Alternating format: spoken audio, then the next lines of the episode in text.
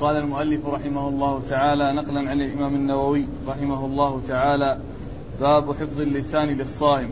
عن أبي هريرة رضي الله عنه أن رسول الله صلى الله عليه وآله وسلم قال الصيام جنة فلا يرفث فلا يرفث ولا يجهل وإن امرؤ قاتله أو شاتمه فليقل إني صائم مرتين والذي نفسي بيده لخلوف فم الصائم أطيب عند الله من ريح المسك يترك طعامه وشرابه وشهوته من أجلي.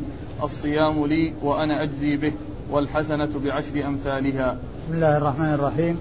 الحمد لله رب العالمين. وصلى الله وسلم وبارك على عبده ورسوله نبينا محمد وعلى آله وأصحابه أجمعين. أما بعد فحديث أبي هريرة رضي الله تعالى عنه وأرضاه المتفق على صحته ولفظه للبخاري يتعلق بفضل الصوم ويتعلق بحفظ اللسان للصائم.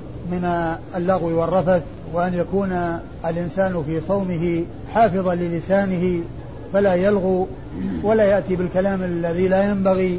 وهذا مطلوب من الإنسان دائما وأبدا أن يحفظ لسانه ولكنه يتأكد ذلك في حال الصوم. وقد وحديث أبي هريرة رضي الله عنه يقول فيه النبي صلى الله عليه وسلم الصوم جنة. والمراد بكونه جنة أي وقاية وستر يقي صاحبه من الشيء الذي يخاف ويحذر. وقد جاء تفسيره بأن بأنه وقاية من النار وأنه جنة من النار.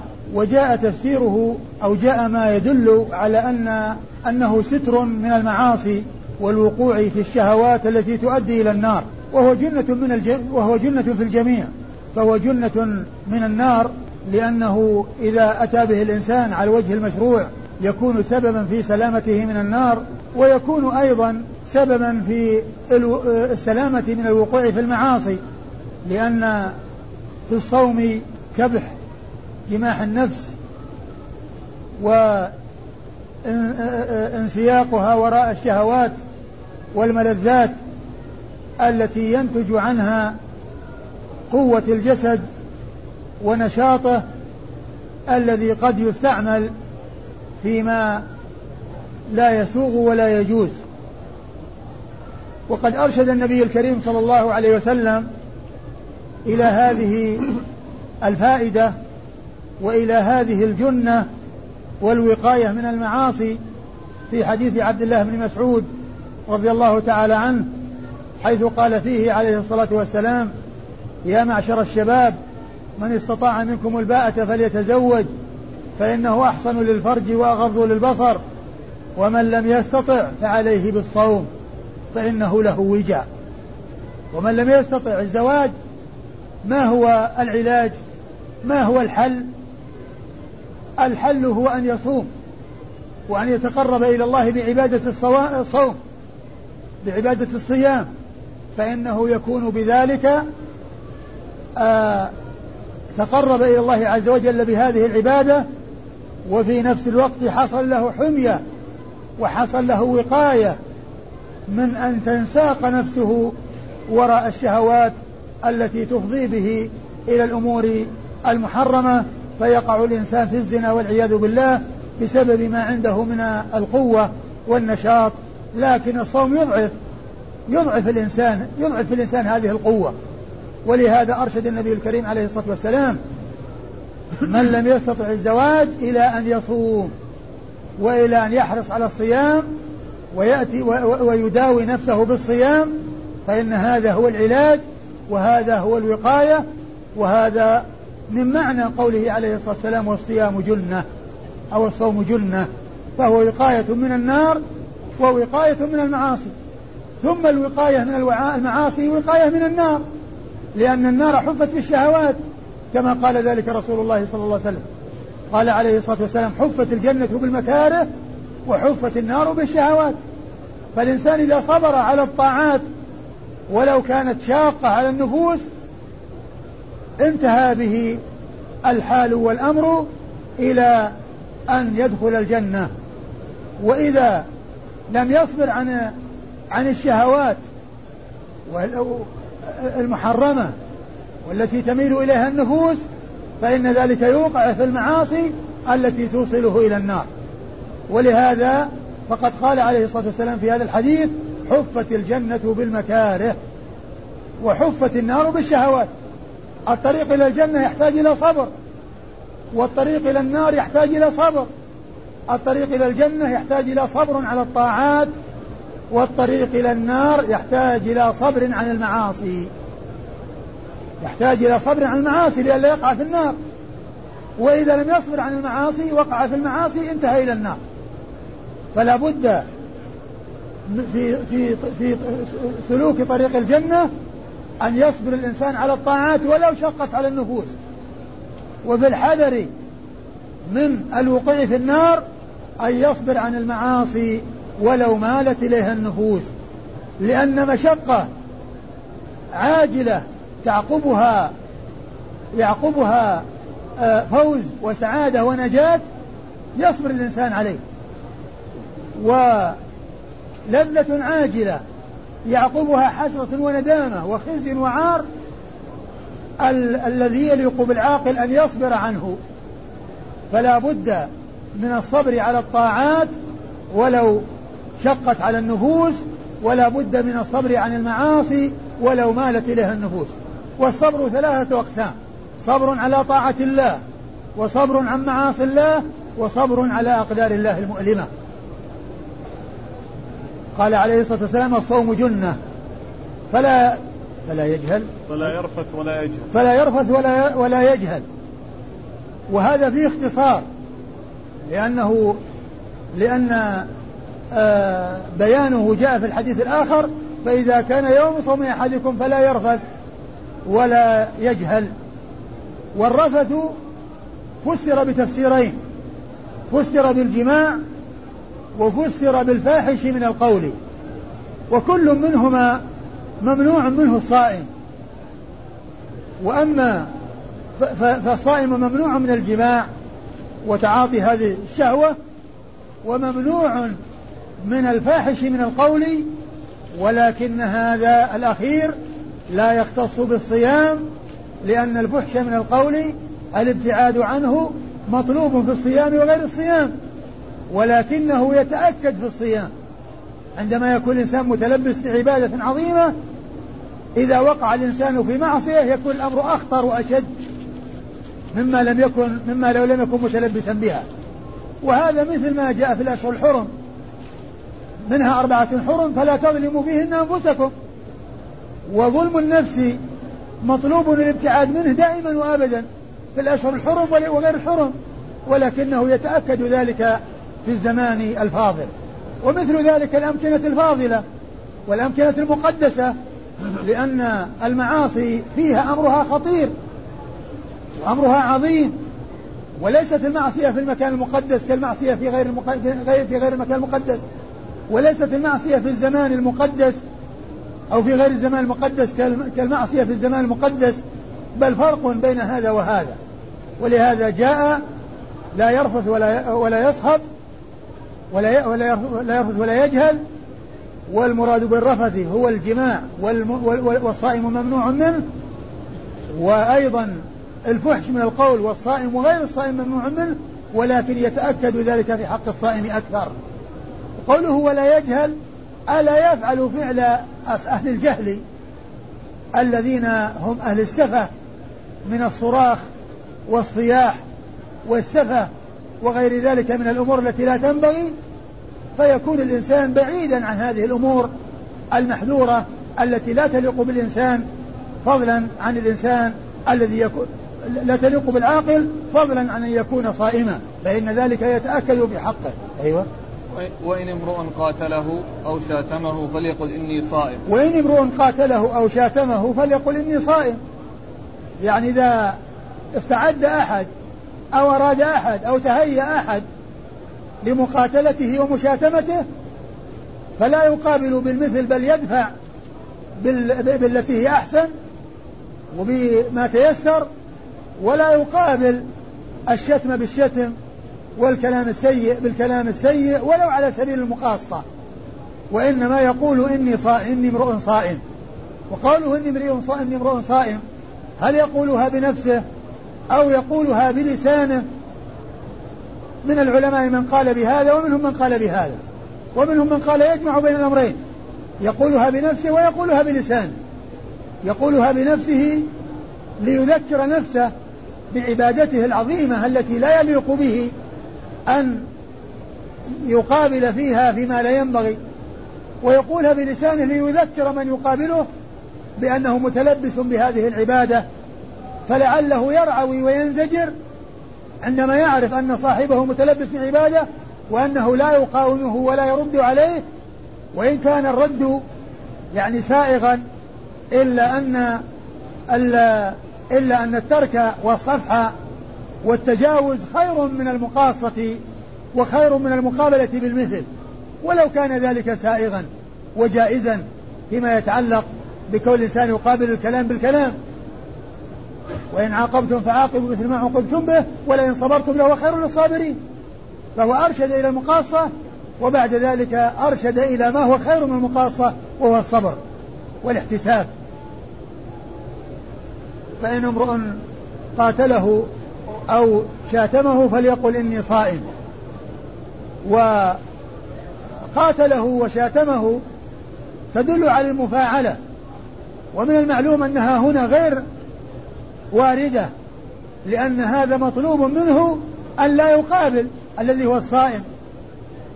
وعلى وإذا فالمقصود من قاتله أو شاتمه إذا رأى من هو مستعد لمقاتلته ومشاتمته فلا يقابله بالمثل وتأتي المفاعلة من غير من غير طرفين. كما يقال داوى الطبيب المريض فإن المداواة هي من جانب واحد فليست المفاعلة دائما تكون من الجهتين بل قد تكون من جهة واحدة. وإذا فقوله قاتله أو شاتمه فإنه من جهة واحدة والمقصود أنه أي ذاك الطرف الأول ال- الذي حصل منه العدوان يعني تهيأ ووجد منه وهذا ممكن ومتهيئ لأن يرد ولكنه ترك المقابلة لأنه أرشد إلى عدم المقابلة وأن يقول هذه الكلمة التي فيها تذكير لنفسه وتذكير لغيره بأنه امرؤ صائم فإن امرؤ قاتله أو شتمه. فليقل إني صائم مرتين. نعم. ذكر فيه مرتين. نعم مرتين. يعني يقول ذلك يقول إني صائم مرتين. نعم. والذي نفسي بيده لخلوف فم الصائم أطيب عند الله من ريح المسك. ثم قال والذي نفسي بيده لخلوف فم الصائم أطيب عند الله من ريح المسك. وهذا يدل على فضل الصيام وعظيم أجره عند الله عز وجل وأنه شأنه وأن شأنه عند الله عظيم. وقد قال عليه الصلاة والسلام في هذا الحديث والذي نفسي بيده لخلوف فم الصائم أطيب عند الله من ريح المسك أقسم عليه الصلاة والسلام لتأكيد هذا الأمر وأنه أمر محقق وهو عليه الصلاة والسلام كلامه حق من غير قسم صلوات الله وسلامه وبركاته عليه. ولكن هذا من تمام بيانه وإيضاحه عليه الصلاة والسلام. والذي نفسي بيده لخلوف والخلوف هو الرائحة التي تنبعث من الجوف بسبب الإمساك عن الأكل والشرب. هذا هو الخلوف. وغالبا ما يكون في آخر النهار حيث يمضي وقت طويل من الصيام. يكون في آخر النهار توجد هذه الرائحة التي تنبعث من الجوف. وغالبا ما تكون مستكرهة. ولكنها لما كانت حصلت في طاعة الله وفي التقرب إلى الله عز وجل فإن شأنها عظيم عند الله وهي أطيب عند الله من ريح المسك يوم القيامة. ويشبه هذا ما جاء في الشهيد الذي قتل في سبيل الله وأمر وأمر الناس بأن لا يغسلوه وأن يكفنوه في ثيابه ويأتي يوم القيامة جرحه يثعب دما اللون لون الدم والريح ريح المسك. اللون لون الدم والريح ريح المسك. فكذلك هذه الرائحة التي تكون من الإنسان في هذه الحياة الدنيا بسبب امتناعه عن الأكل والشرب شأنها عظيم عند الله عز وجل تكون في يوم القيامة آه، يخرج منه هذا الذي هو أعظم من ريح المسك وأشد وأحسن من ريح المسك. وقد جاء في بعض الروايات أطيب عند الله يوم القيامة من ريح المسك. أطيب عند الله يوم القيامة من ريح المسك. ويوضح هذا المعنى ما جاء في حق الشهيد الذي يكون يأتي لونه يثعب جرحه يثعب دما اللون لون الدم والريح ريح المسك. وكما أن الدم غير يعني مرغوب فيه عند الناس في هذه الحياة إلا أنه شأنه عظيم عند الله لما أريق في سبيل الله فإنه يأتي يوم القيامة ويخرج آه، الدم ولونه لون الدم والريح ريح المسك فكذلك هذا الذي الذي يخلوه فم الصائم أطيب عند الله يوم القيامة من ريح المسك. وهو دال على فضل الصيام. ثم هنا مسألة من المسائل الفقهية يوردها بعض الفقهاء عند ذكر هذا الحديث وهي الاستياك للصائم. هل الصائم يستاك في آخر النهار أو لا يستاك؟ من العلماء من قال لا يستاك لأنه يذهب الخلوف ويذهب الرائحة التي تنبعث من الجوف. قالوا فلا يستاك. ومن العلماء من قال يستاك لأن النبي عليه الصلاة والسلام قال لولا أن أشق على أمتي لأمرتهم بالسواك عند كل صلاة. ومن المعلوم أن من الصلوات الخمس صلاة العصر وهي تقع في آخر النهار. والإنسان مأمور بأن يستاك عند كل صلاة ويدخل في تلك الصلوات صلاة العصر. والقول بأنه يستاك هو الراجح لدلالة هذا الحديث عليه وما يحصل من الأجر والثواب وما يحصل من الريح من الريح التي تنبعث من الجوف لا يذهبها السواك وإن كان قد يخفف إلا أن الرائحة تنبعث من الجوف ولو وجد السواك في الفم. لأن السواك هو في الفم ولا يتعدى الفم. ولكن الرائحة التي تنبعث من الجوف تنبعث وتخرج من الجوف ولو استاك الإنسان. ولو استاك الإنسان فهي موجودة وغير مندفعة. وعلى هذا فالقول بجواز الاستياك للصائم أخذا بحديث. لولا أن أشق على أمتي لأمرتهم بالسواك عند كل صلاة ومن الصلوات صلاة العصر وهي في آخر النهار فهو فهذا فما دل عليه هذا الحديث مقدم على ما استنبط من ذلك الحديث. ثم من جهة أخرى كما أشرت الرائحة التي تنبعث من الجوف لا يمنعها السواك لأن السواك لا يتجاوز الفم والرائحة التي تنبعث من الجوف تخرج من الجوف ولا يردها السواك. ولا يردها كون الس... كون الفم تغيرت رائحته برائحة طيبة فهي توجد هذه الرائحة التي تنبعث من الجوف أيوة. يترك طعامه وشرابه وشهوته من أجلي ثم قال يترك طعامه وشهوته وشرابه من أجلي هذا الكلام يقول قول الله عز وجل وهو حديث قدسي وقد جاء في بعض الأحاديث التصريح بإضافته إلى الله عز وجل. وهو وإن لم يضف إلى الله عز وجل كما جاء في هذا الحديث المختصر فهو معلوم لأنه ما أحد يقول يدع شهوته وطعامه من أجل غير الله عز وجل. هو الذي يقول هذا. يدع شهوته وطعامه وشرابه من أجل الله تعالى هو الذي يقول هذا الكلام. وهو الذي قال الصوم لي كما في الرواية الأخرى التي ستأتي الصوم لي الذي يقول هذا هو الله. الذي يقول الصوم لي والذي يقول يدع شهوته وطعامه من أجله هو الله سبحانه وتعالى. فهو من الأحاديث القدسية وقد جاء التصريح بذلك في بعض الروايات كما سيأتي. وقوله يدع شهوته وطعامه من أجلي يدلنا على فضل الصيام وأنه من الأمور التي لا يطلع عليها إلا الله سبحانه وتعالى ولا يدخلها الرياء. لأنها أمور خفية. بخلاف العبادات الأخرى فإنها تظهر للناس. الصلاة تظهر للناس والحج يظهر للناس والزكاة تظهر للناس ولا لن تظهر إلا للفقراء. فإنهم يعرفون الفقراء أن هذا منفق. لكن الصوم يمكن الإنسان أن يصوم ولا أحد يعلم أنه صائم إلا الله سبحانه وتعالى. ويمكن الإنسان أن يفطر في نهار رمضان ويظن الناس أنه صائم وهو غير صائم. والله تعالى هو المطلع عليه. فقال يترك طعامه وشهوته وشرابه من أجلي ثم ذكر الشهوة هنا المقصود بها الجماع.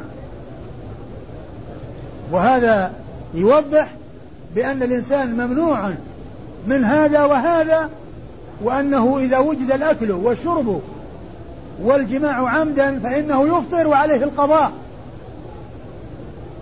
وإذا وجد منه هذه الأمور فإن عليه القضاء وإذا وجد الإنزال من الإنسان بتسببه فإن عليه القضاء لأنه داخل تحت قوله يترك شهوته. فإذا استفرغ شهوته وقد منع من ذلك في حال الصيام وهو مثل ما لو أكل وشرب في حال الصيام متعمدا فإنه يكون مفطرا بأكله بشربه يكون مفطرا بأكله وشربه وجماعه. أو إنزاله المني بمعالجته وبفعله فإنه يكون مفترا بذلك. إلا أنه لا يكون عليه كفارة فيما إذا كان بغير الجماع. أما إذا كان الجماع بالإنزال إذا كان الإنزال بالجماع أو لم يكن إنزال إذا وجد الجماع فإنه عليه الكفارة أنزل أو لم ينزل. لأن الإنسان إذا أولج سواء أنزل أو لم ينزل هو مجامع والكفارة لازمة عليه. لكن الإنزال بغير الجماع عليه القضاء ولا كفارة عليه. يدع شهوته وطعامه من أجل أيوة. الصيام لي وأنا أجزي به. والحسنة بعشر أمثالها. الصيام لي وأنا أجزي به أيضا هذه الجملة مثل التي قبلها. كل كل الضمائر ترجع إلى الله عز وجل. والمتكلم هو الله سبحانه وتعالى. ولا أحد يقول ذلك إلا الله سبحانه وتعالى. وليس فيه التصريح بقال الله في هذه الرواية المختصرة ولكن جاء التصريح بها في بعض الروايات الأخرى من حديث أبي هريرة هذا. يقول فيه الرسول قال الله تعالى قال الله تعالى كل عمل ابن آدم له الحسنة بعشر أمثالها إلا الصوم فإنه لي وأنا أجزي يدع شهوته وطعامه وشرابه من أجلي وقوله الصوم لي الأعمال كلها لله عز وجل. قل إن صلاتي ونسكي ومحياي ومماتي لله رب العالمين. فلماذا قيل للصيام أنه لله مع أن الكل لله وكل العبادات لله؟ هو ما أشرت إليه من أن هذا من الأمور الخفية والصوم سر بين العبد وبين ربه لا يطلع إليه إلا الله ولا يدخله الرياء إلا إذا تحدث الإنسان وقال إني صائم. يعني يخبر الناس بأنه صائم إذا كان يصوم. فهذا يدخله الرياء بالقول ولكن بالفعل ما يدخله الرياء لأنه أمر خفي ما يطلع عليه إلا الله سبحانه وتعالى. لا يطلع عليه إلا هو سبحانه وتعالى. يخفيه الإنسان ولا يطلع عليه إلا الله سبحانه وتعالى. فإضافته إلى الله عز وجل مع أن العبادة كلها لله لأنه يثيب عليه بغير حساب ولكونه من لأنه سر بين العبد وبين ربه لا يطلع عليه إلا هو سبحانه وتعالى. والحسنة بعشر أمثالها؟ نعم. والحسنة بعشر أمثالها إلى سبعمائة ضعف. آه، آه، آه، هذا بالنسبة للأعمال غير الصيام. وأما الصيام فإن الله تعالى يقول فيه إلا الصوم فإنه لي وأنا أجيبه. وقد جاء في الحديث أوله يقول الله عز وجل كل عمل ابن آدم له الحسنة بعشر أمثالها إلى سبعين ضعف إلى أضعاف كثيرة إلا الصوم فإنه لي وأنا أجزي به يعني يجزي به بغير حساب. نعم. قال باب فضل الصيام. عن أبي هريرة رضي الله عنه أنه قال قال رسول الله صلى الله عليه وآله وسلم قال الله كل عمل ابن آدم له إلا الصيام فإنه لي وأنا أجزي به والصيام جنة وإذا كان يوم صوم أحدكم فلا يرفث ولا يصخب فإن سابه أحد أو قاتله فليقل إني امرؤ صائم والذي نفس محمد بيده لخلوف فم الصائم أطيب عند الله من ريح المسك للصائم فرحتان يفرحهما. إذا أفطر, إذا أفطر فرح وإذا لقي ربه فرح بصومه. ثم ورد حديث أبي هريرة من طريق أخرى وهو دال على فضل الصوم من وجوه كثيرة من وجوه عديدة. أولها إضافته إلى الله عز وجل. وهذا الحديث فيه التصريح بأنه حديث قدسي لأنه قال في أوله يقول الله تعالى كل عمل ابن آدم له الحسنة بعشر أمثالها إلا الصوم فإنه لي. يقول الله عز وجل فصرح في أوله بأنه من كلام الله عز وجل وأنه حديث قدسي والمتكلم به هو الله سبحانه وتعالى. وهو دال على فضل الصيام يعني إضافته إليه وأنه يجزي به بغير حساب يدل على فضله.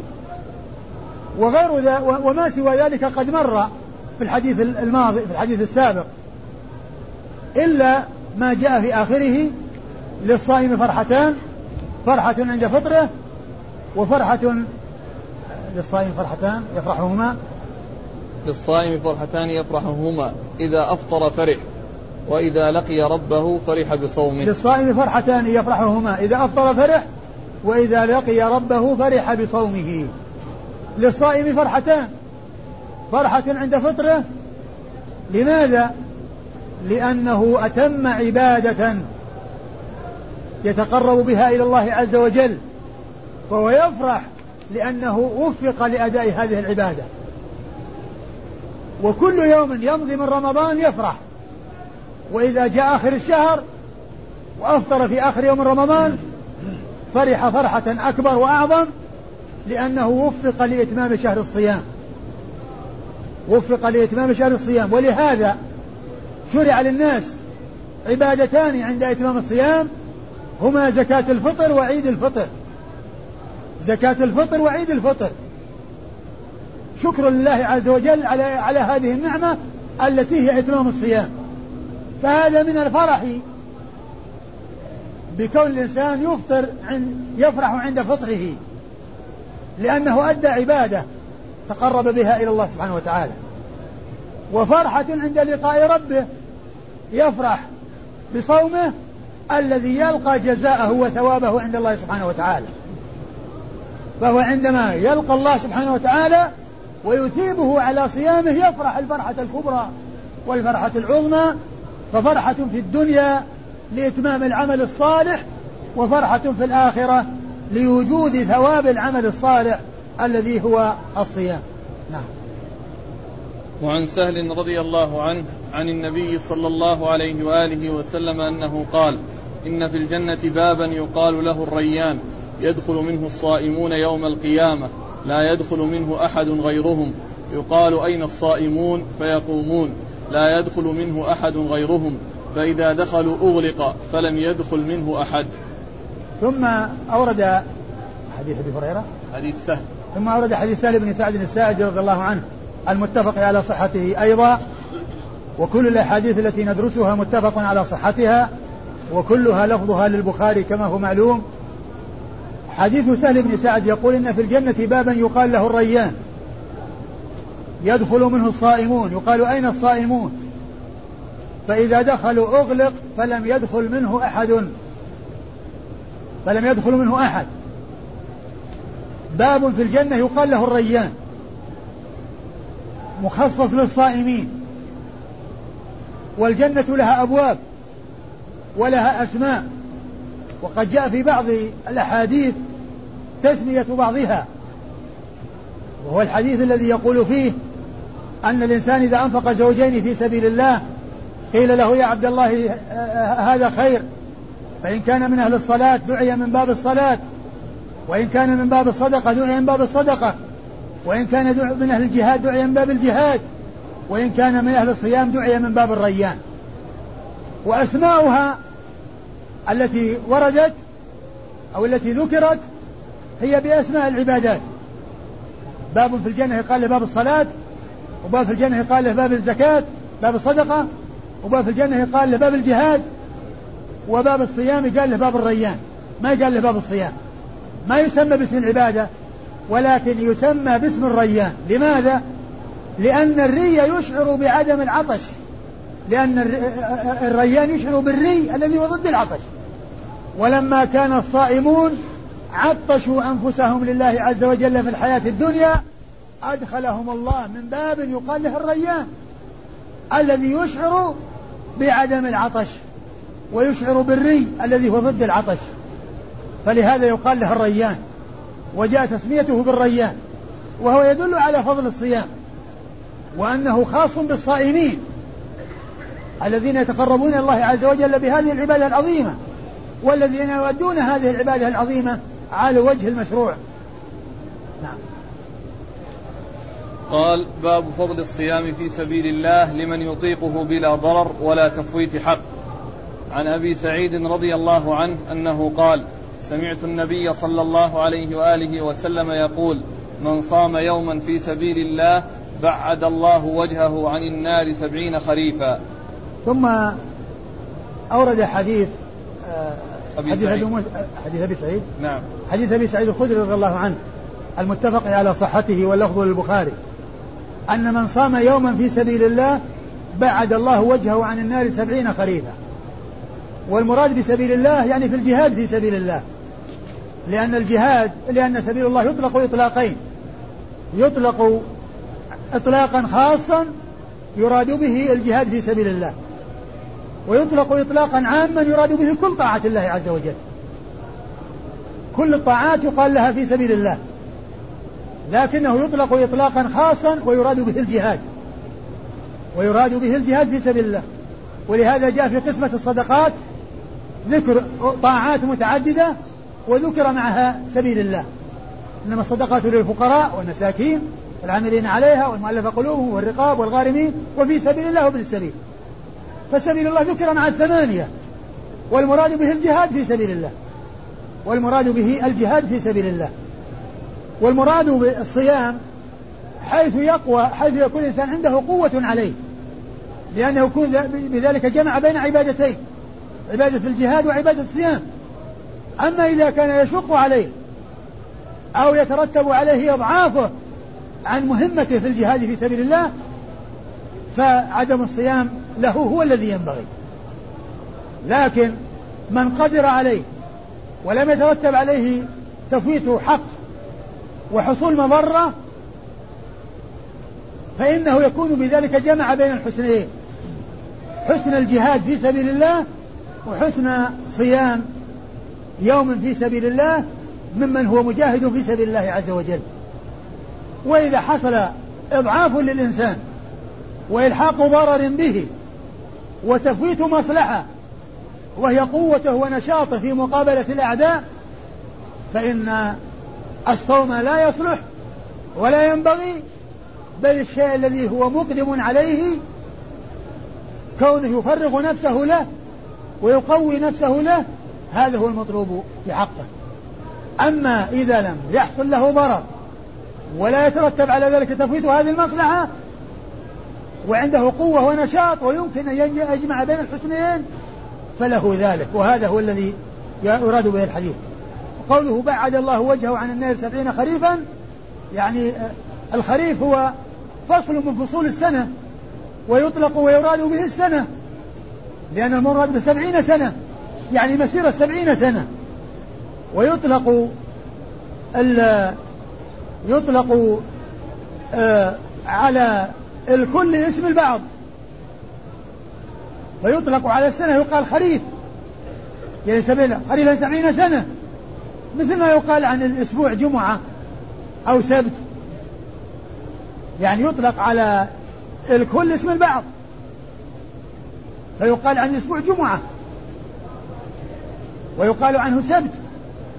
ما رأينا الشمس سبتا. ما رأينا الجمعة كان ما رأينا الجمعة سبتا يعني أسبوعا. يعني ما رأوا الشمس. يعني ما انحجبت عنهم مدة. وكذلك ما جاء في الحديث كان يذهب إلى قبى كل سبت. فسر بأنه كل أسبوع. وفسر بأنه يوم السبت بالذات. الحاصل أنه يطلق على الشيء اسم بعضه وهنا أطلق الخريف على العام لأنه من إطلاق يعني بعضه على كله لأنه لا شك أن الخريف هو في السنة ما يأتي يأتي في كل سنة مرة الخريف. ومن المعلوم أن الخريف معه ربيع وشتاء وصيف. الفصول الأربعة ولا يأتي الخريف إلا بعد ما تمضي هذه. فإذا مضى سبعون خريفا معناه مضى سبعون سنة سبعون سنة. سبعون خريفا سبعون سنة. نعم. باب أكل الناس وشربه وجماعه لا يفطر. عن أبي هريرة رضي الله عنه عن النبي صلى الله عليه وآله وسلم أنه قال إذا نسي فأكل وشرب فليتم صومه فإنما أطعمه الله وسقاه. ثم ورد حديث. أبي هريرة. ثم ورد حديث أبي هريرة المتعلق بالأكل والشرب نسيانا. إذا أكل أو شرب ناسيا أنه صائم فهل يفسد صومه أو يصح صومه؟ ذهب جمهور العلماء إلى العمل بهذا الحديث وهو أنه يتم صومه ولا يقضيه وصومه صحيح. وجاء عن مالك رحمه الله أنه يتمه ويقضيه. ولكن التعليل الذي جاء في آخر الحديث يدل على أنه لا قضاء عليه لأنه قال فإنما أطعمه الله وسقاه. يعني هذا شيء ساقه الله عز وجل إليه ولو كان يتحتم عليه ولو كان صومه فاسدا لأرشد النبي صلى الله عليه وسلم إلى القضاء وأرشد إلى أن الصوم غير صحيح. ولهذا قال فليتم صومه فإنما أطعمه الله وسقاه. فذهب جمهور العلماء إلى صحة الصوم وأنه لا قضاء على من أكل أو شرب ناسيا. وذهب مالك رحمة الله عليه إلى أنه عليه القضاء وما قاله الجمهور هو الواضح لأن النبي عليه الصلاة والسلام ما بين ما بين الحكم في حقه لو كان الحكم عليه هو القضاء وكونه علله بأنه أطعمه الله وسقاه فهذا شيء لا يؤثر مثل ما جاء عن النبي صلى الله عليه وسلم في قضية الوصال يطعمني ربي ويسقيني وهو صائم عليه الصلاة والسلام آه ثم فيما يتعلق بالجماع وكون الإنسان يجامع ناسيا هل حكمه كذلك؟ بعض العلماء ذهب إلى أن حكمه كذلك. ومن وفيه إشارة إشارة النووي في ترجمة الباب الذي ذكره من أبواب التي بوب بها لصحيح مسلم يعني حيث سوى بين الأكل والشرب والجماع وأنه لا قضاء عليه. وذهب بعض أهل العلم إلى أن النسيان ما ورد في الحديث فيما يتعلق بالأكل والشرب وأنه يختلف حكمه وأن عليه إذا جامع ناسيا أن يقضي وذهب بعضهم إلى أن عليه الكفارة أيضا مع القضاء. عليه الكفارة مع القضاء. كما سبق أن أشرت إليه في درس مضى حيث ذهب بعض أهل العلم إلى أن من جامع ناسيا فإن عليه القضاء والكفارة قالوا لأن الرجل الذي جاء يعني آه، وقد أخبر أنه جامع أهله في نهر رمضان والرسول أخبره بالكفارة وقالوا إنه لم يستفصل وترك الاستفصال ينزل منزلة العموم في القول وقد عرفنا الجواب عن ذلك فيما مضى أنه لا كفارة عليه لأن لأن حال الرجل الذي سأل واضح بأنه متعمد حيث جاء قال هلكت وحيث قال احترقت والناس لا يحصل منه هذا الشيء وإنما هو فعل المتعمد وإنما هو فعل المتعمد. باب صيام النبي صلى الله عليه وآله وسلم في غير رمضان واستحباب ألا يخلي شهرا عن صوم. عن عائشة رضي الله عنها أنها قالت كان رسول الله صلى الله عليه وآله وسلم يصوم حتى نقول لا يفطر. ويفطر حتى نقول لا يصوم. فما رأيت رسول الله صلى الله عليه وآله وسلم استكمل صيام شهر إلا رمضان وما رأيته أكثر صياما منه في شعبان. ثم أورد حديث عائشة. نعم. ثم أورد حديث عائشة المتعلق صيام النبي صلى الله عليه وسلم في غير رمضان. كيف كان يصوم؟ والرسول صلى الله عليه وسلم كان يصوم من كل شهر. وفي بعض الأحيان يكثر الصيام حتى يقولوا لا يفطر يبي يكمل الشهر صايم. وأحيانا لا يصوم حتى يقولوا ينتهي الشهر وهو ما صام.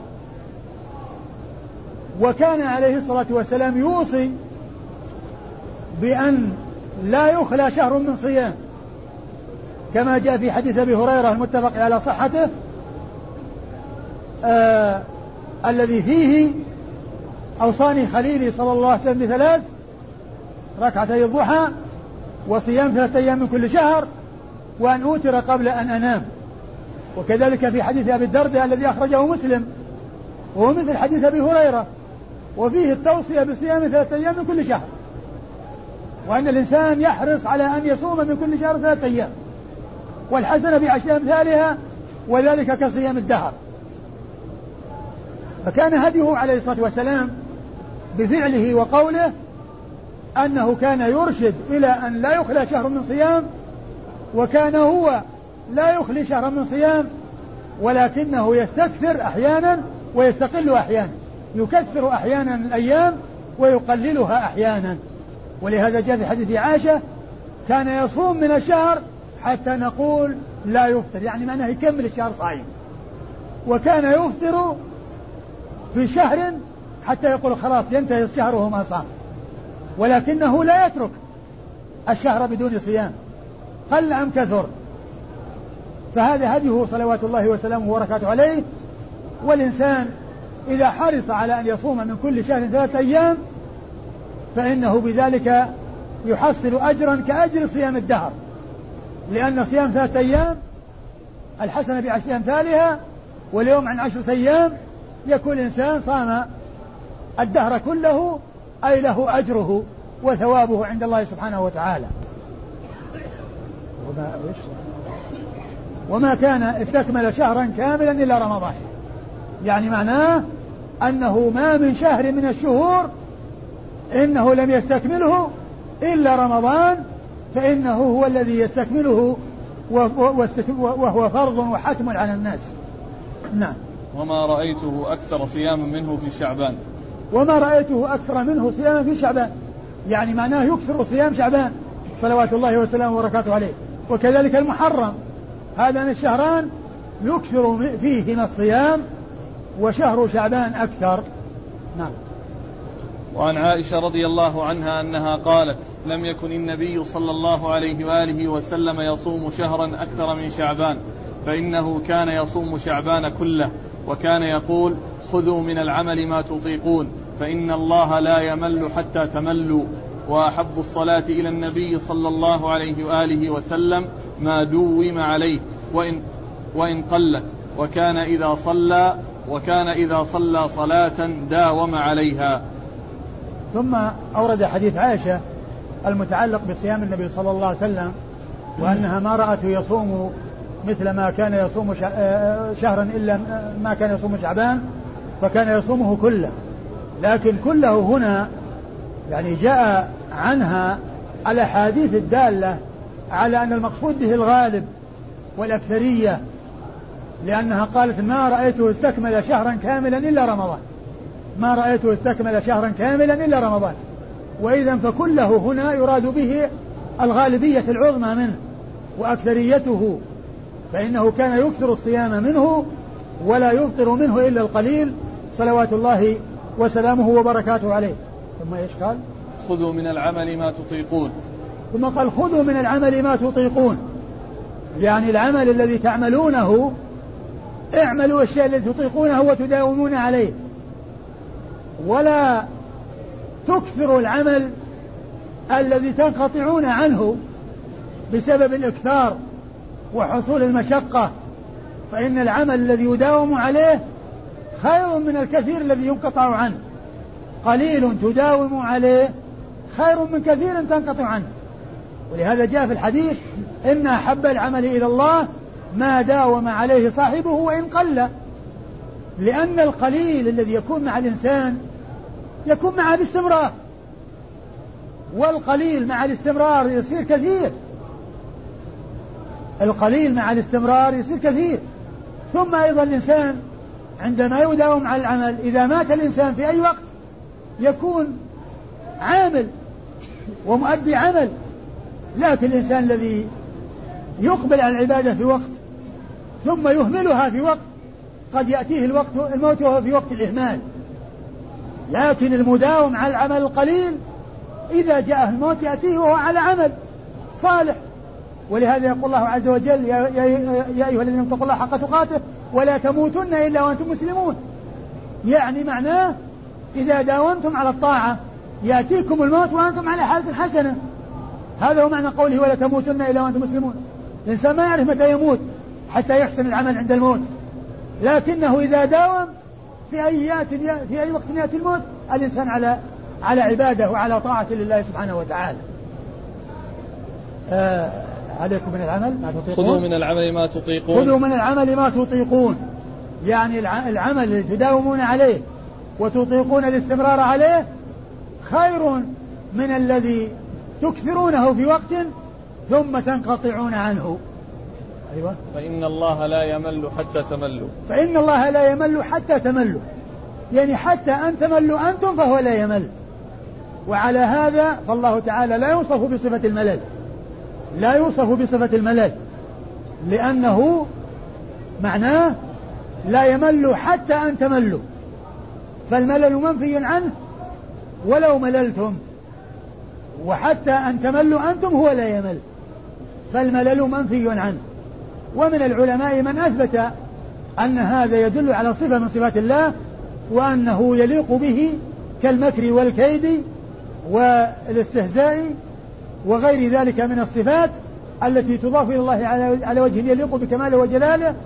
لكن آه الذي يظهر بأنه لا يدل على الصفة لأن الله تعالى نفسه نفى عن نفسه الملل ولو ملوا.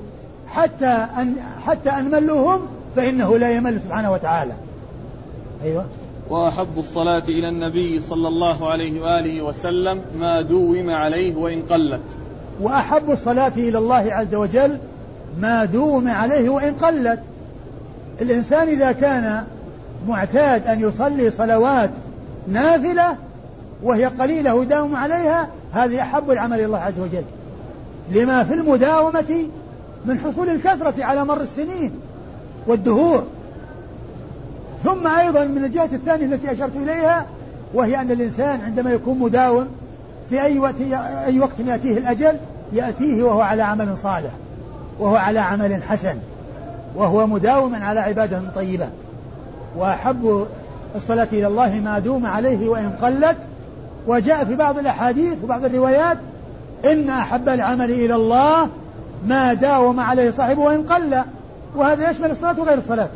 وكان من هديه صلى الله عليه وسلم أنه إذا صلى صلاة داوم عليها أثبتها. ولهذا جاء أنه لما فاتته سنة الظهر ركعة الظهر التي كان يداوم عليها لشغل قضاها بعد العصر ثم داوم عليها بعد العصر. وهذا من خصائصه عليه الصلاة والسلام. يعني المداومة على هذه الصلاة بعد العصر هي من خصائصه لأنه جاء عن أم سلمة أنها قالت أفنقضيهما إذا فاتتنا يا رسول الله؟ قال لا. فدل على هذا على أنه من خصائصه وأن من هديه عليه الصلاة والسلام أنه إذا صلى صلاة داوم عليها. عليه الصلاة والسلام. وعن ابن عباس رضي الله عنهما أنه قال ما صام النبي صلى الله عليه وآله وسلم شهرا كاملا قط غير رمضان ويصوم حتى يقول القائل لا يفطر ويفطر حتى يقول القائل لا والله لا يصوم. ثم ورد حديث ابن عباس وهو من حديث عائشة. ما صام شهرا كاملا إلا رمضان. وكان يصوم في الشهر حتى يقول لا يفطر. الشهر يعني كامله صايم. وكان يفطر حتى يقول لا يصوم. ولكنه يصوم في آخره. وما كان يخلي شهرا من صيام. صلوات الله وسلامه وبركاته عليه. نعم انتهى الباب. نعم. والله تعالى أعلم وصلى الله وسلم وبارك على عبده ورسوله نبينا محمد وعلى آله وأصحابه أجمعين.